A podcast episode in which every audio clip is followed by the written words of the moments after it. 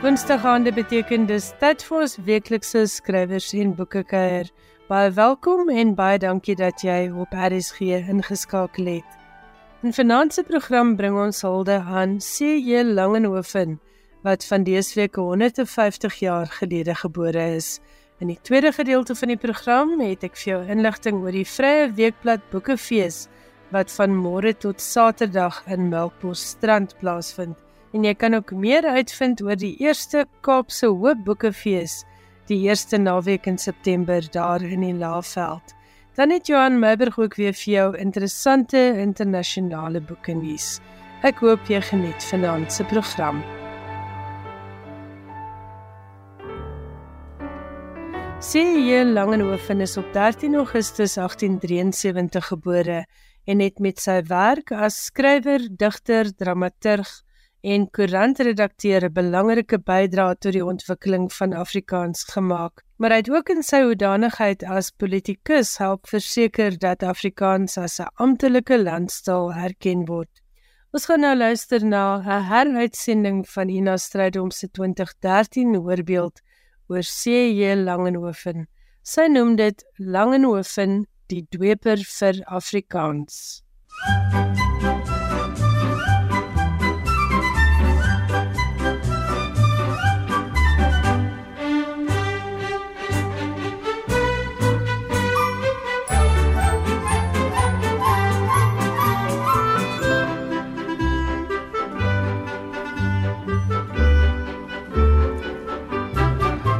sy outobiografie U dienswillige dienaar skryf Langehoven.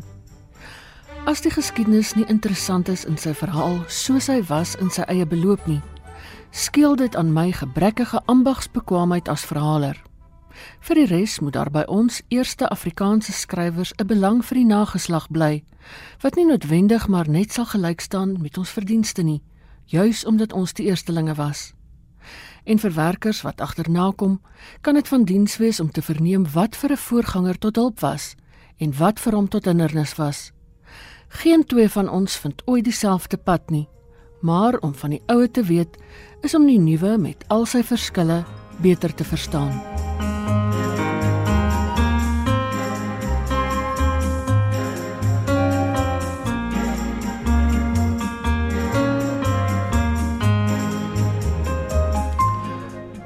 Cornelis Jacob Langenhoven is op 13 Augustus 1873 gebore, vanjaar presies 140 jaar gelede. Jy vra my hoekom ons Langenhoven se geboortedag herdenk. Um, ek dink 'n mens kan daaroor dink soos oor enige herdenking. Wat is 'n herdenking? Um, dit is seker 'n manier om te probeer dat 'n mens nie vergeet nie. Dit is om te werk in teen die groot vergeet. Ehm um, en daar is binne 'n kultuur 'n baie sterk saak daarvoor dat 'n mens ook die hele tradisie moet onthou en ken want hierdie goed kry ook hulle betekenis teen die agtergrond van daai tradisie. Um, ons kan nie nou omdat daar nuwe filosowe is ophou om na Plato en Aristoteles te kyk nie. Nie dat ek nou eers weer eens wil sê Langehoven is nou die soort belangrike figuur nie, maar net gewoon om te herdenk bly belangrik want dit maak 'n mens steeds bewus van iets wat ons vooraf gegaan het. Dit skep 'n bietjie van 'n tekstuur ook aan ons hele belewenis van ons hede. Professor Willie Burger, hoof van die departement Afrikaans aan die Universiteit van Pretoria. Dit is veral Langehoven as taalstryder wat verdien om herdenk te word. Die biograaf, wyle professor John Kannemeyer, het ook 'n biografie Langehoven 'n lewe die lig laat sien. Hy het by geleentheid vertel van sy navorsing oor Langehoven se taalstryd. In uh, idienswillige dienaar noem Langehoven dan die afwesigheid van enige vorm van Afrikaner nasionalisme. Maar daar is 'n belangriker saak wat hy nie daar noem nie en wat uh, uit uh, dokumente van Sarah Goldblatt duidelik blyk. Naamlik In die jare 1901 tot 1902 was Langehoven advokaat in Kaapstad en hy moes by herhaling die uh, sake van Kaapse rebelle verdedig. Uh rebelle dan wat aan die kant van die twee noordelike republieke geveg het en indien hulle skuldig bevind sou word was daar die uh, gevaar dat hulle dat hulle te dood veroordeel sou kon word. Nou uh heel wat van die rebelle wat uh, Engels nie magtig was nie, uh moes in 'n Engelstalige hof hulle saak verdedig. En dan is daar natuurlik gebruik gemaak van 'n tolk ensovoorts en 'n tolk dikwels wat die uh Afrikaans nie behoorlik uh, vertaal het nie. En Langenhoven was sy hele lewe lank baie gestel op reg en geregtigheid. Dit loop soos 'n goue draad deur sy hele lewe. En hy het hierdie uh hele situasie as 'n geweldige onreg gesien. Nou uh in 1901-1902 was hy nog nie ten gunste van Afrikaans nie, maar ek dink 'n mens kan sê daar is die eintlike kiem vir sy verdere ontwikkeling. Dit sou egter die reaksie op 'n koerantartikel wees wat Langehoven as taalstryder laat ontpop het. Ek moet miskien net 'n uh, uh, verwys na 'n artikel wat Langehoven in 1910 in Maart 1910 in 'n Engelstalige koerant naamlik The State geskryf het. Daarin het hy geskryf oor the problem of the dual language in South Africa. Nou in daardie uh, rede uh, gee hy nog steeds 'n voorkeur aan Engels en baie duidelik 'n afkeer van Nederlands. Uh hy sien nog steeds nie die moontlikheid uh, vir Afrikaans nie, maar in daardie rede kry 'n mens reeds 'n bepaalde gedeelte wat 'n mens duidelik kan sien sy eerste liefdesbelydenis vir Afrikaans. Hy besing eintlik die uh, die pragt en die moontlikhede van die taal. En op daardie uh rede die uh, verskyning dan daarvan het 'n reaksie gevolg. Die Engelstalige koerante het hom uh aangeprys as die loyal Dutchman terwyl die Hollandse koerante hom gekritiseer het en eintlik lei daardie uh reaksie van die koerante dan tot die omeswaai by Langehoven In 1973 tydens die Langehoven Eeufeesjaar het wyle professor Louis Eksteen van die omeswaai in 'n radiopraatjie vertel. En wat hom wakker geruk en 'n aktiewe werker laat word het, was die aanvalle op hom deur die pro-Nederlandse lede van die volk en van die gevestigde instellings. Weens sy siening is hy dan ook opgehemel in die Engelse blaaie. En dit was die rede waarom die Nederlandse faksie hom uitgeskel het as 'n jingo renegaat. Dis natuurlik genoeg om enigiemand se bloed te laat kook, veral as jy 'n fyngevoelige gees was soos Langehoven. Soos hy in U dienswillige dienaar sê, had die Engelse minder gejuig en die Duitsers minder gevloek, dan heel moontlik was Langehoven vandag nog in die geregshof besig met ander mense se privaat rusies en in sy kantoor besig met die besteding van sy kunstelose skryftalent aan die opstel van Engelse en Hoog-Hollandse testamente en kontrakte. Nou in 1912 eh, word hy dan redakteur van die Oudtshoornse koerantjie Het Suidwesten en daarmee kry hy eintlik 'n podium vir sy taalstryd uh, wat hy dan begin uh, uh feitelik in elke koerant soos hy dit stel in die willige die daar was daar 'n gedreun en 'n gedonder in verband met Afrikaans. En in 1914 uh sou die provinsiale raad uh, verkiesing plaasvind vir die die Kaapse provinsiale raad en Langehoven het homself verkiesbaar gestel en hy is dan ook onbestrede verkies en binne 3 weke na uh, sy verkiesing na die sitting van die uh, raad het hy Afrikaans deurgeloods uh, as onderwystaal tot en met standaard 4. Uh, Langehoven het ingesien wat die ander taalstryders nie ingesien het nie. Naamlik dat jy kan met verenigings en toesprake en pleidooie ensovoorts kan jy heelwat verrig, maar jy kan nog nie Afrikaans erken kry nie. Om dit te doen, moes iemand op staatkundige vlak aktief wees. En dit het Langehoven dan begin met sy toetrede tot die provinsiale raad. Die bekende joernalis Skalk Pinaar het tydens die Eeufeesjaar Langehoven se koerantfase so beskryf. Het Suidwesten was nasionaal in sy uitkyk en algemeen opvoedkundig. 'n mondstuk van die Afrikaners. Maar hy het in Hoog-Hollands en Engels verskyn. Langehoven het hom nie alleen Afrikaans gemaak nie, maar ook pleitbesorger by uitnemendheid vir Afrikaans as skryftaal in plaas van Hoog-Hollands. Dit het so getref dat sy aanvaarding van die redakteurskap so ongeveer saamgeval het met die ontwaking in hom op byna 40 jarige leeftyd van sy skryftalent in Afrikaans en van sy oormeesterende geesdrif om Hoog-Hollands deur Afrikaans vir die Afrikaner te vervang. Nou het hy 'n mondstuk gekry en met niemand se verlof nie behalwe sy eie, het hy die blad verander in 'n orgaan om nie te sê 'n orkaan nie vir die propagering van Afrikaans. In sy daaglikse journalistieke wandel was hy Victoriaans pruits, ver van alles wat suggestief kan wees, ver van mense se private sake, rustig in die aanbieding van sy nuus. Maar as kampvegter vir Afrikaans was hy 'n woesteling. En latere lewe amper skaam vir die manier waarop hy sonder aansien van die persoon op tone getrap het. Sy argumente was altyd en altyd boek aan die persoonlike vlak. Maar hy was nie doenloos in sy spot, sy spitsvondigheid en die raakheid van sy stellings. Sy polemiek is tot vandag toe nog altyd hoogs leesbaar.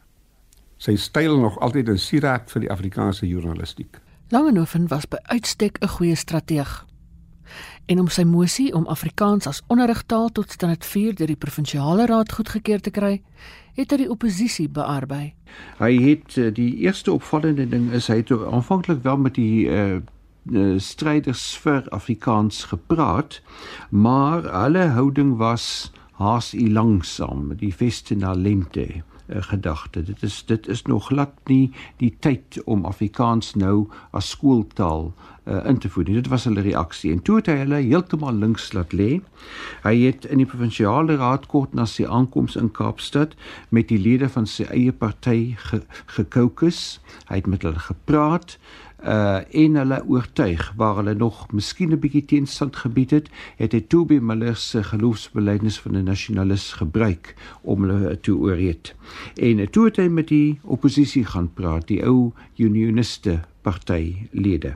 En hy het vir hulle gesê, kyk, dit sal nie help dat hulle nou 'n wig hier probeer in uh, slaan teen uh die uh regerende party nie want uh in daardie geval sal die lede van sy party almal soos een man staan. En uh, dit was dan ook opvallend dat die unioniste wat uh, natuurlik Engelstalig was, hulle het almal Langehoven se mosie uh, gesteun. Die gevolg was hy kon deur daardie lobbying soos hy hy gebruik die woord lobbying in die dienswillige dienaar met daardie strategie kon hy dus 'n onbestrede mosie goedgekeur kry. Langenhoven het nader aan huis begin en hy het nie buitensporig hoë eise gestel nie. Hy het maar doeteenvoudig in die provinsiale raad gevra dat onderrig in Afrikaans tot by standaard 4 ingestel moet word. Hierin sien ons nog 'n ander faktor wat vir die latere sukses van sy beyewering verantwoordelik was.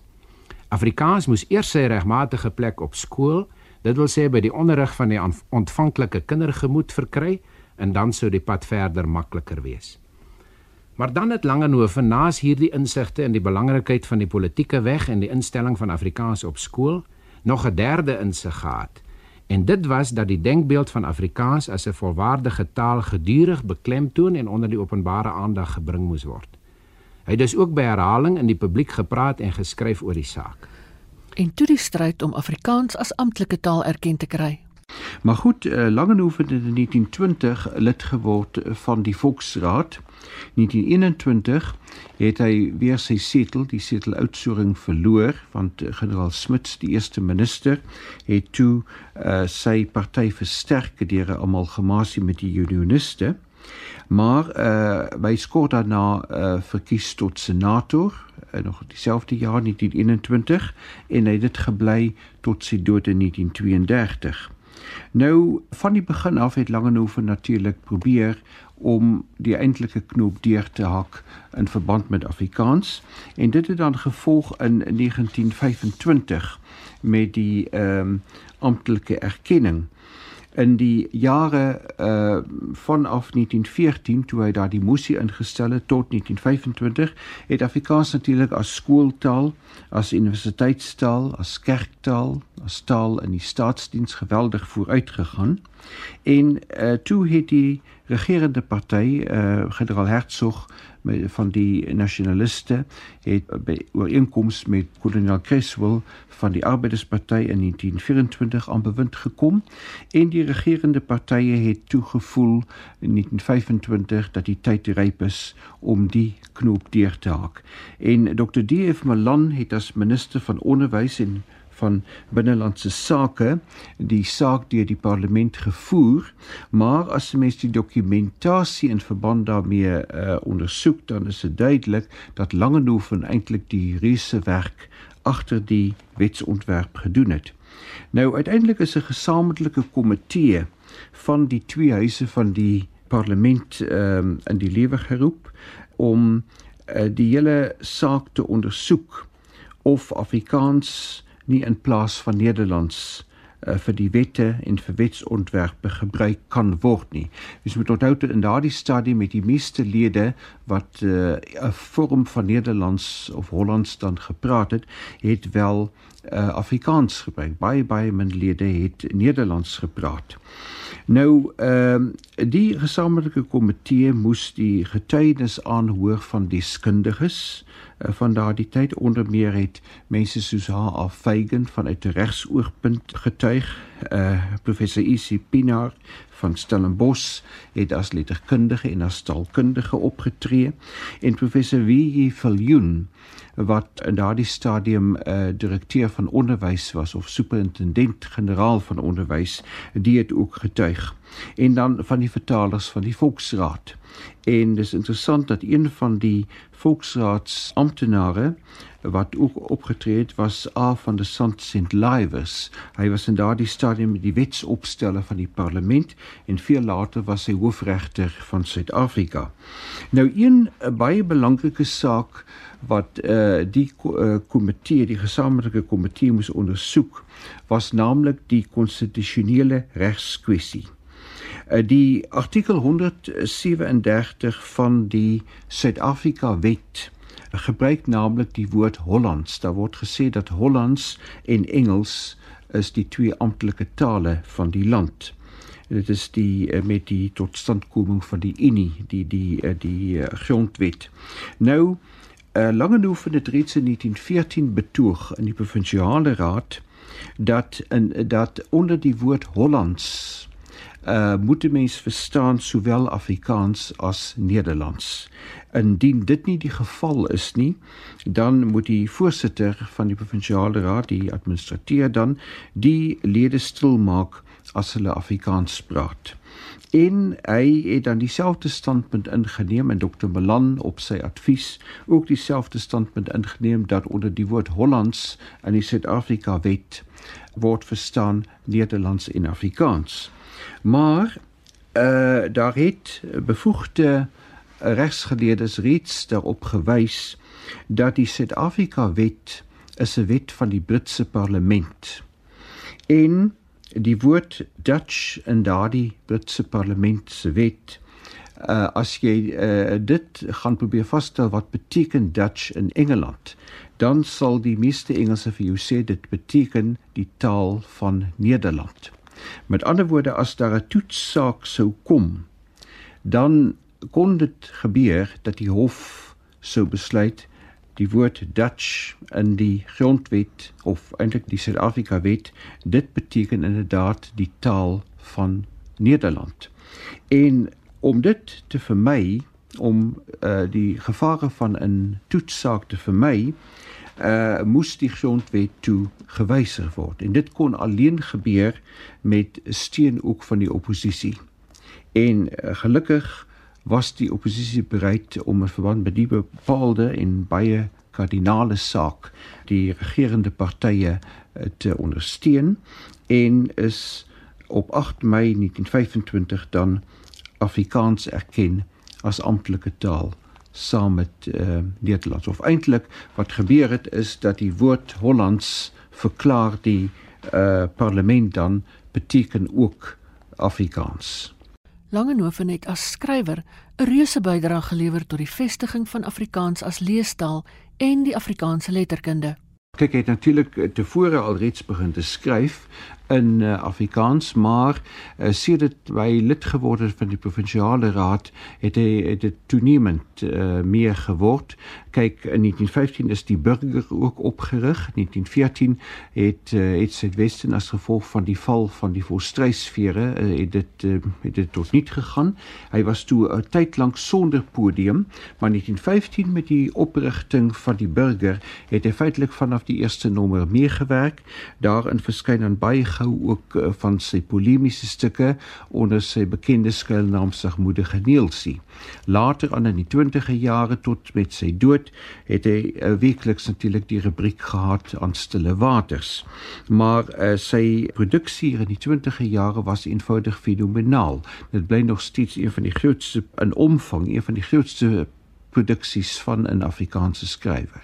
En sy groot groot bydrae staan in daardie 16 volumes uh, saamgevat wat ons in baie huise nog steeds het en sien. Ehm um, jy weet daar is nog geweldig baie van daai versamelde werke van Langehoven in mense se huise. Ek dink nie dit word nou meer so baie gelees nie. En ons kan nou praat daaroor waarom nie. Maar ehm um, die interessante is tog dat hy 'n groot bydrae gelewer het juis in daai tyd waar daar weinig was in Afrikaans om te lees in Afrikaans en dat hy op soveel terreine probeer het om iets in Afrikaans te gee. Het sy vir die koerant in rubrieke, het sy in die langer werk wat hy geskryf het of in die vertalings wat hy gedoen het in, in gedigte, spookstories, noem dit op, kinderverhale.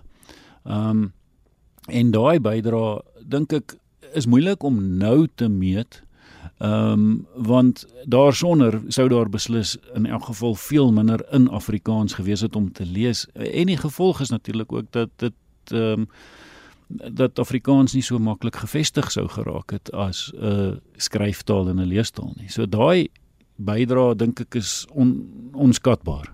Daar word baie keer gesê, kyk, Lulu Rai was die eerste wetenskapfiksie in Afrikaans.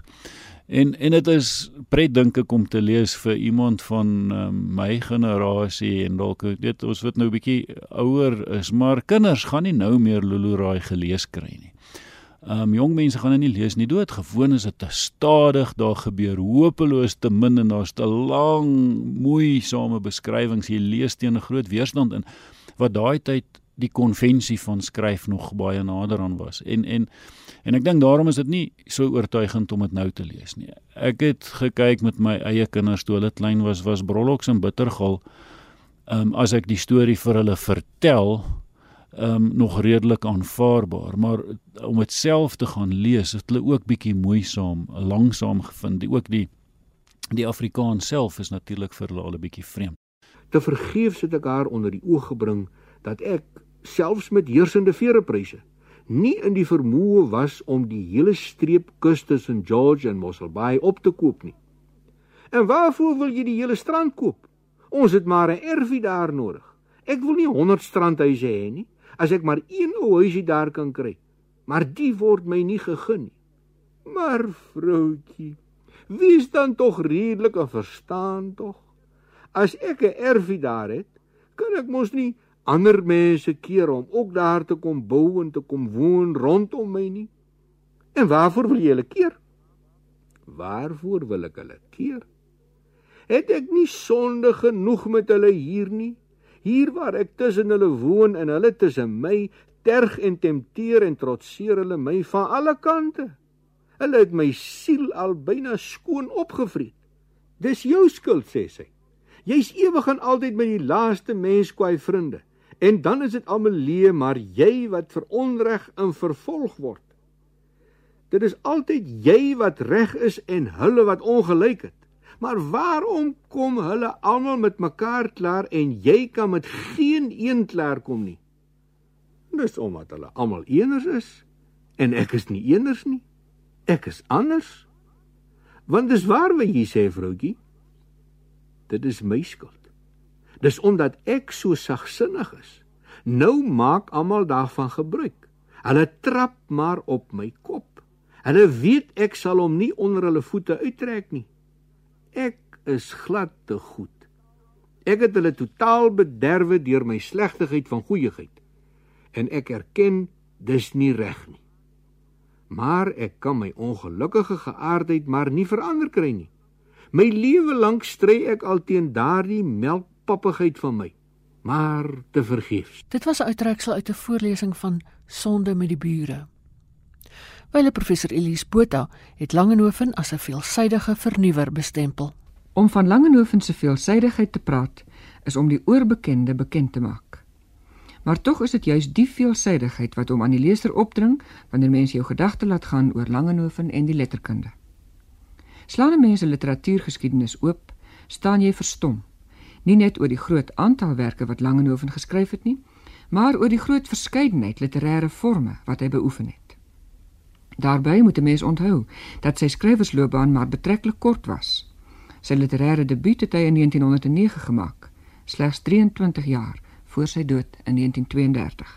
Wanneer 'n mens praat van Langehoven se beoefening van so 'n groot aantal literêre forme, nie net die groot forme poësie, prosa en drama nie, maar allerlei onderafdelings van die groter gebiede ook, moet 'n mens eintlik die tyd waarin hy geskryf het, veral die tyd waarin hy begin skryf het, in gedagte hou om hom in sy opperbelangrike rol van ontginner, van eksperimenteerder in die Afrikaanse letterkunde te sien. In sy eie taal, in die letterkunde van sy mede-Afrikaanssprekendes, het Langehoven geen voorganger en geen tydgenoot gehad wat enigsins die ryke verskeidenheid van forme kon ewenaar nie. Sy het tydens die Eeufeesjaar vertel watter hoogtepunte daar was. Die paaie sou uitloop wat die poësie betref op die groot spel Die pad van Suid-Afrika, waarin die stem van Suid-Afrika in 1921 sou staan. Wat die verhalende prosa betref, op die bekende satires, Doppers en Filistyne, Sonde met die bure, Harry op die ou tramspoor hoewel dit onderstreping verdien dat Langehoven so 'n sorgsame boumeester in sy redenaarskuns ook 'n storie uitmuntend kon bou. En die storieverteller ontmoet 'n mens op sy beste in die spookstories Geeste op aarde en die wandelende geraamte. In die eerste Afrikaanse speurverhaal Donker spore en natuurlik in die sprokie waar sonder 'n Afrikaanse kind nie kan groot word nie, Brolloks en Bittergal. Die brief in stukkies en brokkies word die pragtige briewe van skadewees van Nasaret. Die meimeringe vind ons terug in aan stille waters. En die toneelstukkie van sy debuut in 1909, Die Watersaak, is uitgebrei en verbeter as die laaste van die takkare vandag nog met ons as deel van ons moderne toneelskat. So het Langehoven sy veelsidige talent tot aan die einde bly ontgin. Ongal, stil Piet. Ma, stil trein. Ma, ek en Piet. wêreld. Ek sê aan nee, kan julle my nie laat klaar praat nie? Wag oom, ma Piet het 'n verpleegster nodig. Kan ek hom verpleeg? Julle twee het albei verpleegsters nodig en slaag. Ja, nee, dis wat hulle nodig het, ja. Maar vandag se kinders regeer mos. Soos Henry sê, die wêreld draai. Ja, oom, hy draai. Hoor hier hoe draai hy. Die wêreld die draai en nou is hy vriendelik en dan is hy kwaai. Vandag is hy soet, om môre suur. Geen vreugde hou stand in geen droefheid duur. Is dit jou versie Piet of 'n ander man se kalf wat jy mee ploeg, hè? Hy oom. Uh, uh, ja, meester. Ek was besig om te sê toe hierdie twee kinders my in die rede kom val. Ek en jy, ons twee ouens. Ag, ons moes maar by mekaar gebly het om mekaar op te pas. Ons het albei gewerk. Ons het albei ons rus verdien.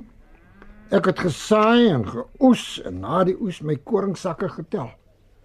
Jy het gesaai vir 'n oes waarvan God alleen die weegskaal hou. Maar nou, jy gaan my verlaat. Mimmy gaan my verlaat. Wie bly oor vir my? En jy, Maria? Ek kan nooit hier bly nie, Karel. Jy sê dan ons twee is nie familie nie. Waarna sou dit lyk? Ah nee, ek sê ah nee maar. Maar ons ons kan familie word, Maria. Aangetroude familie. Nee, Maria. Eh, Getroude familie. Praat van 'n wedevrou. Jou ou vaarbond.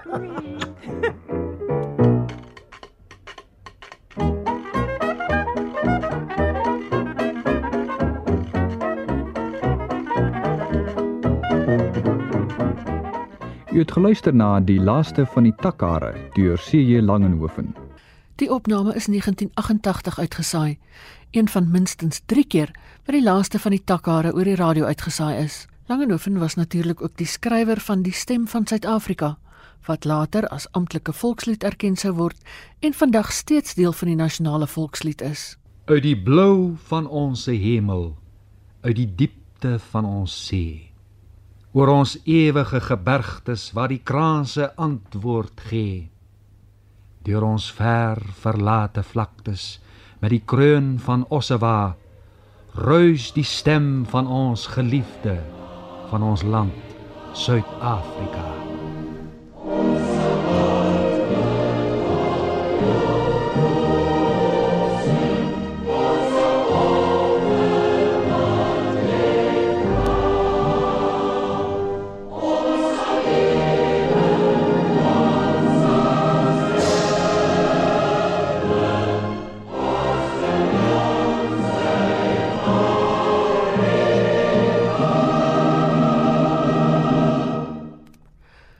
is ook nog Langehoven se spreuke wat vandag nog gebruik word en sy bydra tot die Afrikaanse volksliedjieskat.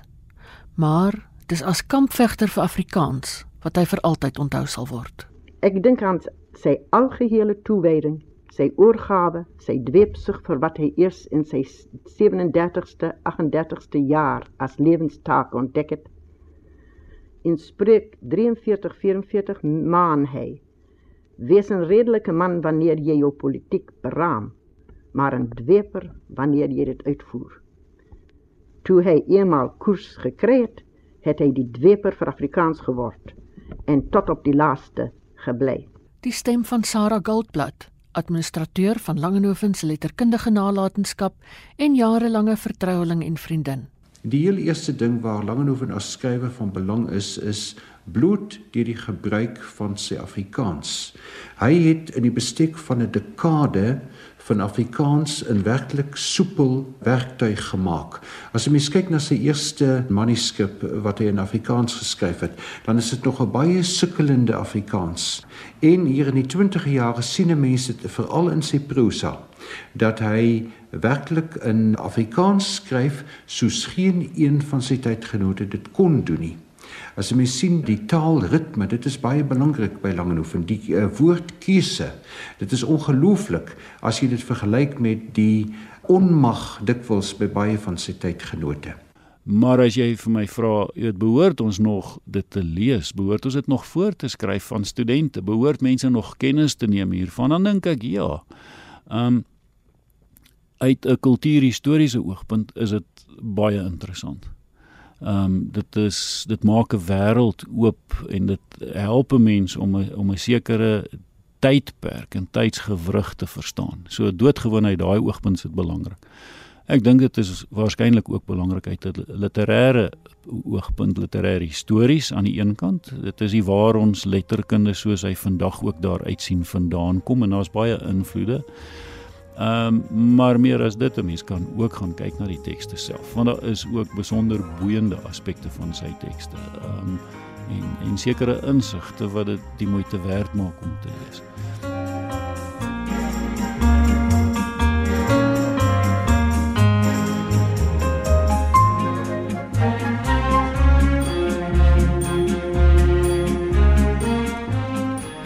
Dit was Langehoven, die dweper vir Afrikaans. Die voorbeeld is saamgestel met dank aan Rita Buys van die SAIK se klankargief en professor Willie Burger, hoof van die departement Afrikaans aan die Universiteit van Pretoria. Die samesteller en aanbieder was Ina Strydom.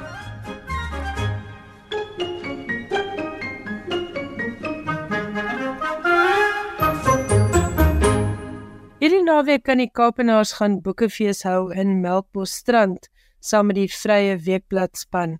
Die program begin môre aand, die 17de Augustus, met Antoinette Kellerman se veelbekroonde produksie Die Oorklits Kwyt, waarin sy hulde bring aan Antjie Krog. Die res van die program is 'n heerlike mengsel van gesprekke en besprekings in verskillende genres. Daar's 'n liewe heksie vertoning Saterdagoggend, asook 'n kosgesprek en 'n gesprek oor die verwerking van boeke na TV-reekse of rolprente. Vrydagmiddag 3uur kan almal met jong kinders gaan luister na 'n gesprek oor hoe om jou kind lief te maak vir lees en verskeie kinderboekskrywers gaan daaraan deelneem en daar gaan ook 'n voorlesing vir kinders wees. Vrydag aand is daar 'n redaksieete. Jy kan aansit saam met die Vrye Weekblad redaksie. Saterdagmiddag gaan hulle uitsluitlik wy aan boekgesprekke met Rudy van Rensburg, Erla Diedriks, PP Fourie en François Bloemhof wat almal gaan gesels oor hulle jongste misdaadromans. Herman later gaan gaan gesels oor sy boek Hoerkind En in die laaste gesprek op die program praat Nicole Jekyll Strauss, Jaco Wolmerans en Miguel Heinz oor hulle jongste romans. Die volledige program is op Quicket waar jy ook sommer jou kaartjies kan bespreek. Kaartjiepryse wissel van R90 vir die boekgesprekke tot R220 vir die etes saam met die redaksie. En natuurlik gaan daar ook 'n gesprek wees. En Saterdagmiddag sal daar ook 'n middagete te koop wees by die NG Kerk daar in Elfdelaan en daar is ook kaartjies by die deure te koop. So gaan maak gerus daar 'n draai. Skrywers en boeke elke woensdag aand tussen 8 en 9. Nou gaan ons eers luister na 'n bietjie internasionale boeke nuus. Die eerste insetsel wat Johan Meiberg vir ons aanbied, handel oor 'n gesig wat jy sal herken. Ons het hom leer ken as die gawe oupa in die Yebo Gogo advertensies maar eintlik was hy 'n letterkunde professor van Nigeriese afkoms wat baie jare in Suid-Afrika gewoon het. Johan het onder andere ook daarna vir ons nuus oor die Boekerprys se langlys.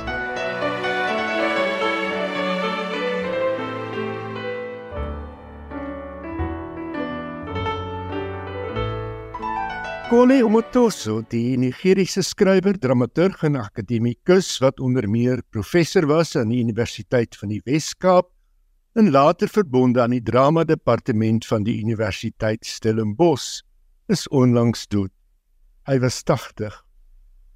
Omotoso se eerste roman, The Edifice, het in 1971 verskyn en daarna het onder meer gevolg The Combat in 1972 Fellas Choice in 1974 en Sacrifice in 1976. Dit was egter sy laaste roman, Just Before Dawn, wat in 1988 verskyn het, wat heelwat beroering in Nigerië verwek het en wat daartoe gelei het dat hy die land inderhaas verlaat het.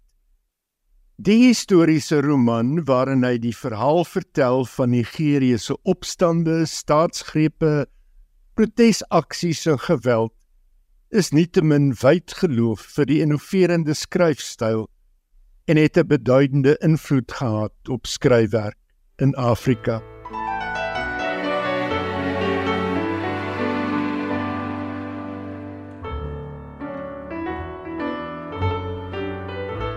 Van Pedro Almodóvar Die Spaanse regisseur en daarbey die bekendste Spaanse rolprentregisseur van sy tyd, verskyn volgende jaar by Havel Secker, 'n druknaam van Vintage by Penguin Random House UK, 'n vertaling van 12 verhale waarna hy verwys as fragmente van 'n outobiografie. The Last Dream, uit Spaans vertaal deur Frank Wynne verskyn in September 2024. Die verhale strek so ver terug as die 1960s en dek temas wat ook in sy rolprente figureer: komedie, autofiksie, parodie, pastiche en die gotiese. All About My Mother, Almodóvar se rolprent van 1999 het destyds die Oscar vir die beste buitelandse rolprent gekry en Talk to Her van 2002 het 'n Oscar verower vir beste draaiboek en 'n Golden Globe vir die beste buitelandse rolprent.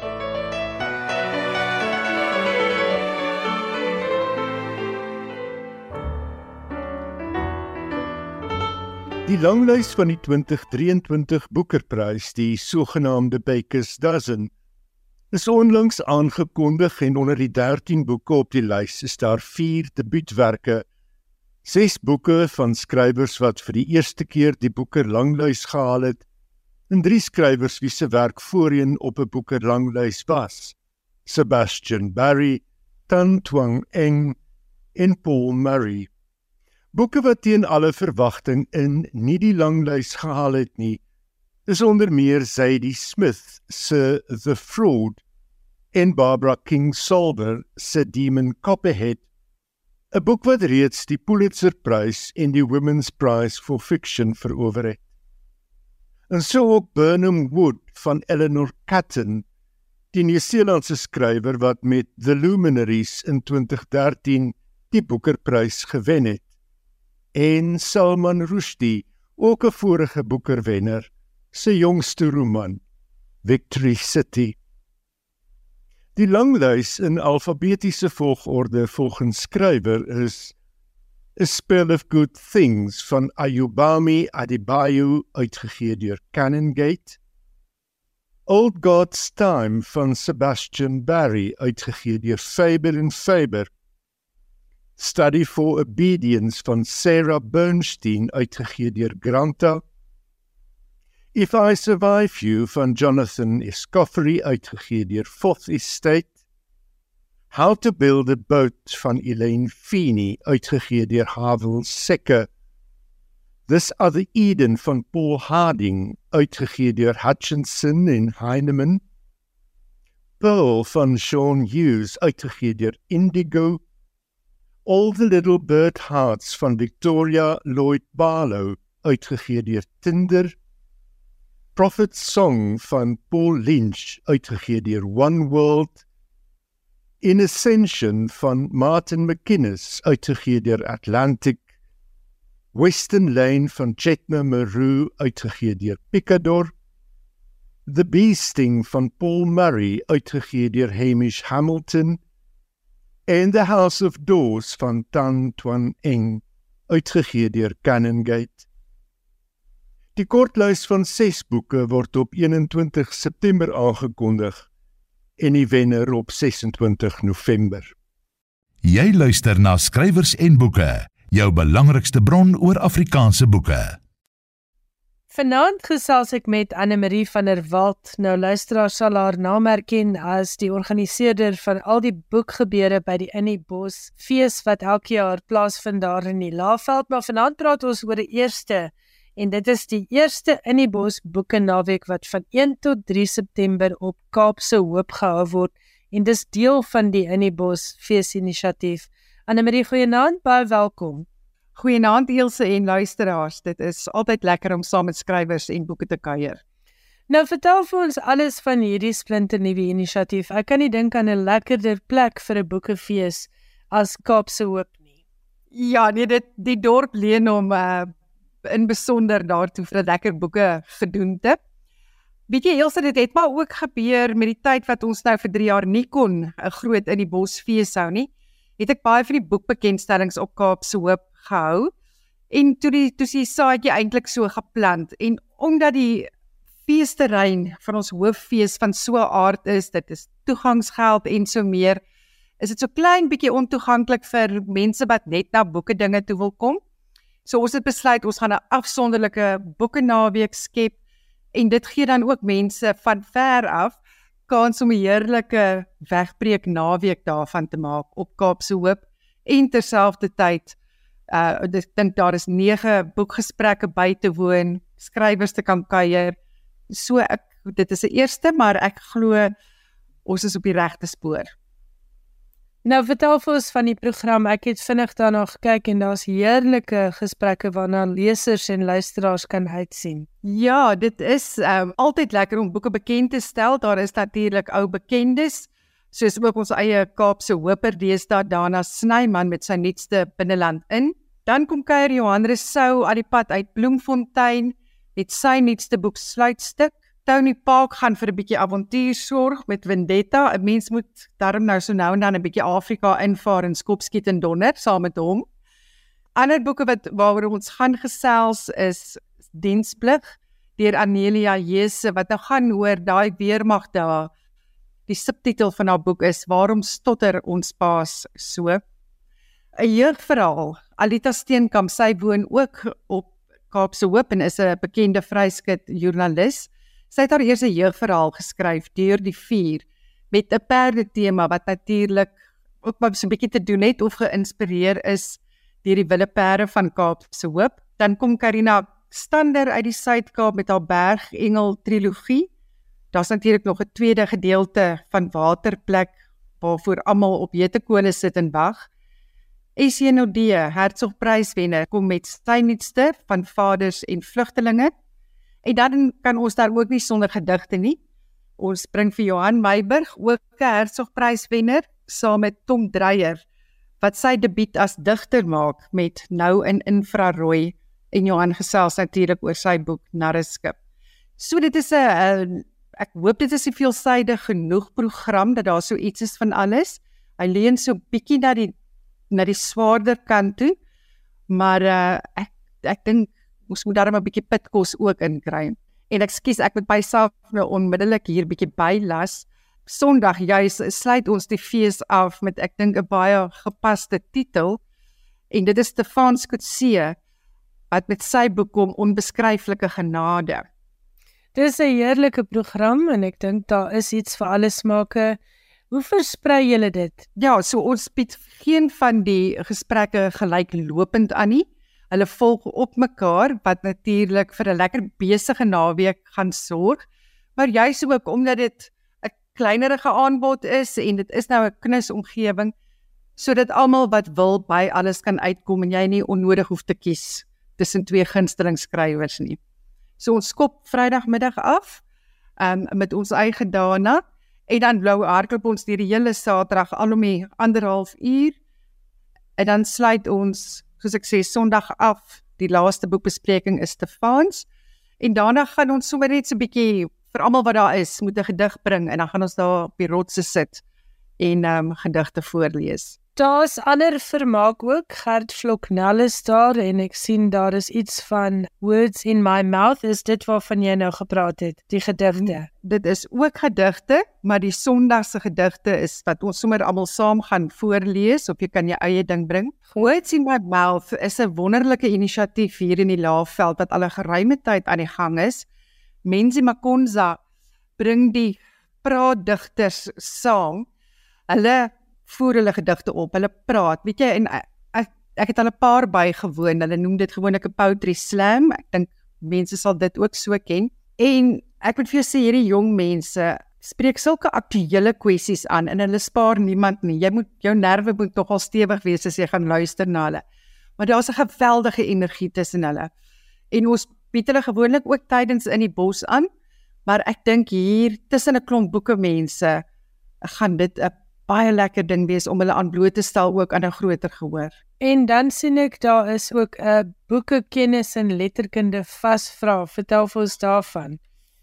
Ja, kyk, uh, Susan Booyens, ook 'n joernalis. Ek dink almal weet nou min of meer wie sy is nadat sy so lekker slag geslaan het met Wie word 'n miljonair. Maar nou ja, Susan is ook 'n uh, uitstaande gespreksleier en onderhoudvoerder. So sy kom 'n bietjie van die gesprekke, boekgesprekke lei. En 'n mens kan dan nou nie net dit laat doen nie, want by dit dat sy nou die kroontjie van die vasvra het, moet sy nou maar vir ons 'n vasvra uitdeel dat ons kan sien wie weet wat van boeke en lesers en so meer. Dit gaan sommer net lekker informeel oor 'n middagete wees en uh ek dink ons gaan dit baie geniet. En dan het ons die vorige aand, die Vrydag aand, 'n filosofie kafee. Dit kom nog daar van Pretoria se dae met Lamay Eberson Café Riche daar op Kerkplein het hulle my altyd 'n filosofie kafee aangebied. So ons gaan so 'n bietjie filosofies raak op die Vrydag en dan Saterdag aand dan jol ons saam met Gert Vloknel en sy beautiful woorde.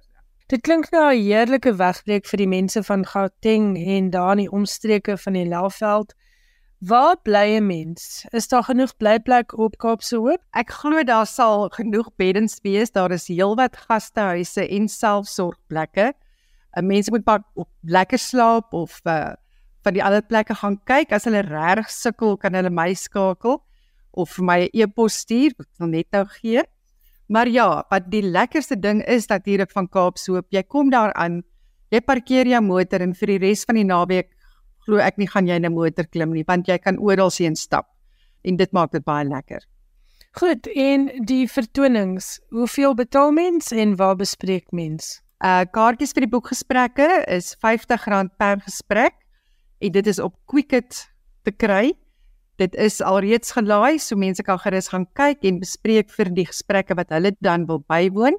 En dan is dit Gert Floknel se vertoning is R150. Dit is ook op Quicket te kry.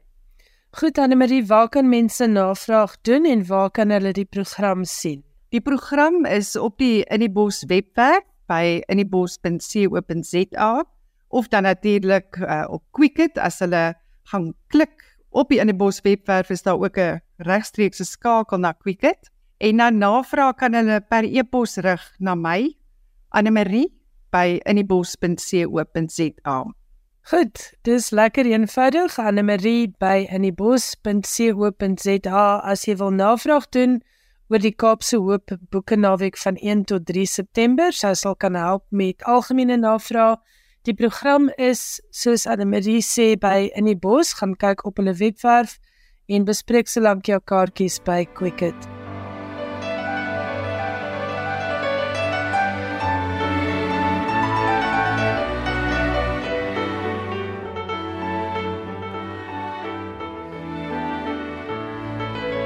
Dit was vanaand se skrywers en boeke. Baie dankie dat jy saamgeluister het. Volgende Woensdag aand maak ons beslis weer so en dan gesels ek met Naomi Morgan, vertaler van Madame Pelinska en die geheim van Chopin. Dit is die boek wat weeksaande om 9uur hier op RSG voorgeles word. Gaan luister slank na die voorlesings want die storie agter daardie boek is net so interessant soos wat jy volgende week sal uitvind. Tot dan mag jy 'n mooi en 'n veilige week hê. Totsiens.